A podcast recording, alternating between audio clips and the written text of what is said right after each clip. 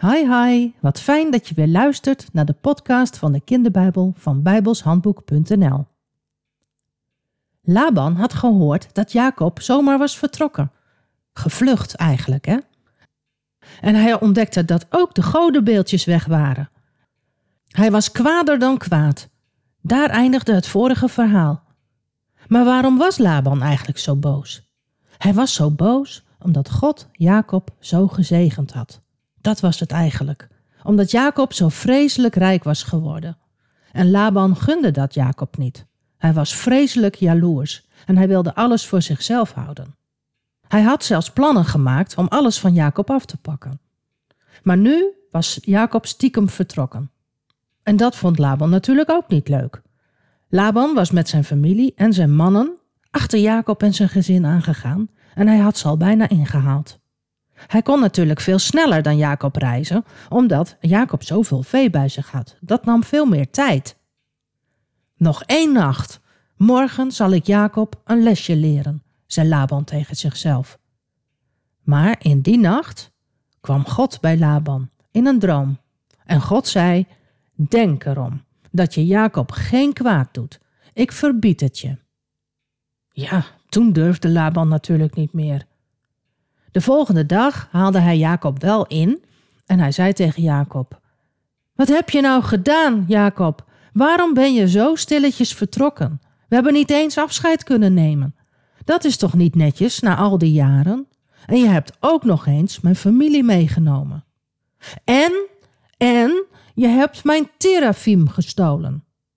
Terafim, dat waren die kleine afgodspeeltjes die vereerd werden als goden. Ze moesten Laban beschermen tegen ongelukken. Raar eigenlijk, hè? Het aanbidden van beeldjes. Wij bidden toch alleen tot onze God? Jacob werd boos. Wat heb ik verkeerd gedaan? U achtervolgt mij alsof ik een grote dief ben. Ik heb die beeldjes niet gestolen, zei hij. Zoek alles maar na. En dat deed Laban. Hij zocht overal, maar hij vond de beeldjes niet. Jacob had die beeldjes toch ook niet gestolen? Nee, dat was Rachel. Rachel had ze meegenomen en ze had ze zo goed verstopt dat haar vader ze niet kon vinden. Maar dat wist Jacob natuurlijk niet. Hij bleef boos op zijn oom. Nou, heeft u iets kunnen vinden? Laban zei niks. Twintig jaar heb ik voor u gewerkt, zei Jacob. En steeds heeft u mij bedrogen. Eerst al met mijn eerste vrouw. U hebt mij Lea gegeven in plaats van Rachel. En later heeft u tienmaal mijn loon veranderd. Als mijn God mij niet had gewaarschuwd, dan had u alles van mij afgepakt. Wat Jacob zei, was natuurlijk waar. En dat wist Laban ook. Hij zei tegen Jacob: Deze dochters zijn mijn dochters.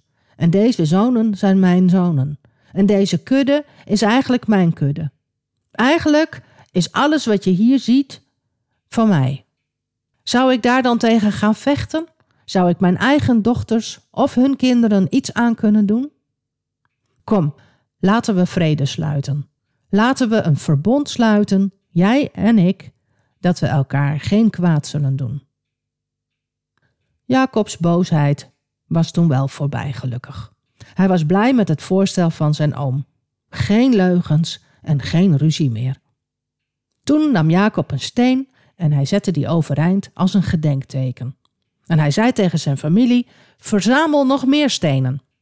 En ze haalden nog meer stenen en ze stapelden de stenen op tot een steenhoop. En daar sloten Laban en Jacob een verbond met elkaar.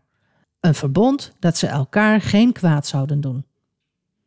Daarna bracht Jacob een offer op de berg. Een offer voor God. Toen hij dat gedaan had, maakte Jacob een maaltijd klaar en hij nodigde de familie uit om met hem te eten. Ze aten en ze dronken met elkaar en daarna bleven ze slapen op de berg. Laban stond de volgende morgen vroeg op en hij kuste zijn kinderen. Hij wenste Jacob en zijn gezin veel geluk. Hij nam afscheid en hij ging terug naar huis. Dat is gelukkig goed afgelopen. Jacob kon nu met een gerust hart verder trekken. Nou ja, gerust. Esau was er natuurlijk nog, hè? In die tijd had je natuurlijk nog geen telefoons en ook nog geen internet. Jacob kon Esau niet gewoon even een berichtje sturen om te vragen of hij nog boos op hem was. Jacob was bang. Bang dat Esau hem nog steeds niet had vergeven. God zag dat Jacob bang was en hij stuurde een groep engelen naar Jacob. Wow, riep Jacob, dat is het leger van God. En dat gaf Jacob weer moed. God was bij hem en hij beschermde hem. Jacob en zijn familie waren inmiddels al vlak bij Canaan. Jacob riep een paar mannen bij zich en zei: Ga naar mijn broer Esau en zeg hem dat ik terug naar huis kom. Vertel hem dat ik heel lang bij onze oom Laban heb gewoond en dat ik nu veel vee heb en dat ik een rijk man ben geworden. Vraag hem of hij mij vriendelijk wil ontvangen, of hij mij heeft vergeven. Een paar dagen later kwamen de mannen weer terug bij Jacob. En, wat heeft mijn broer geantwoord? vroeg Jacob. Wij zijn bij uw broer Esau geweest, zeiden de mannen. Hij komt hier naartoe en hij heeft vierhonderd mannen bij zich. Jacob schrok. Oh, hij werd nou toch wel weer erg bang. Wat moest hij doen? En hoe dat verder gaat, hoor je de volgende keer. Luister je dan ook weer? Tot dan. Hi hi.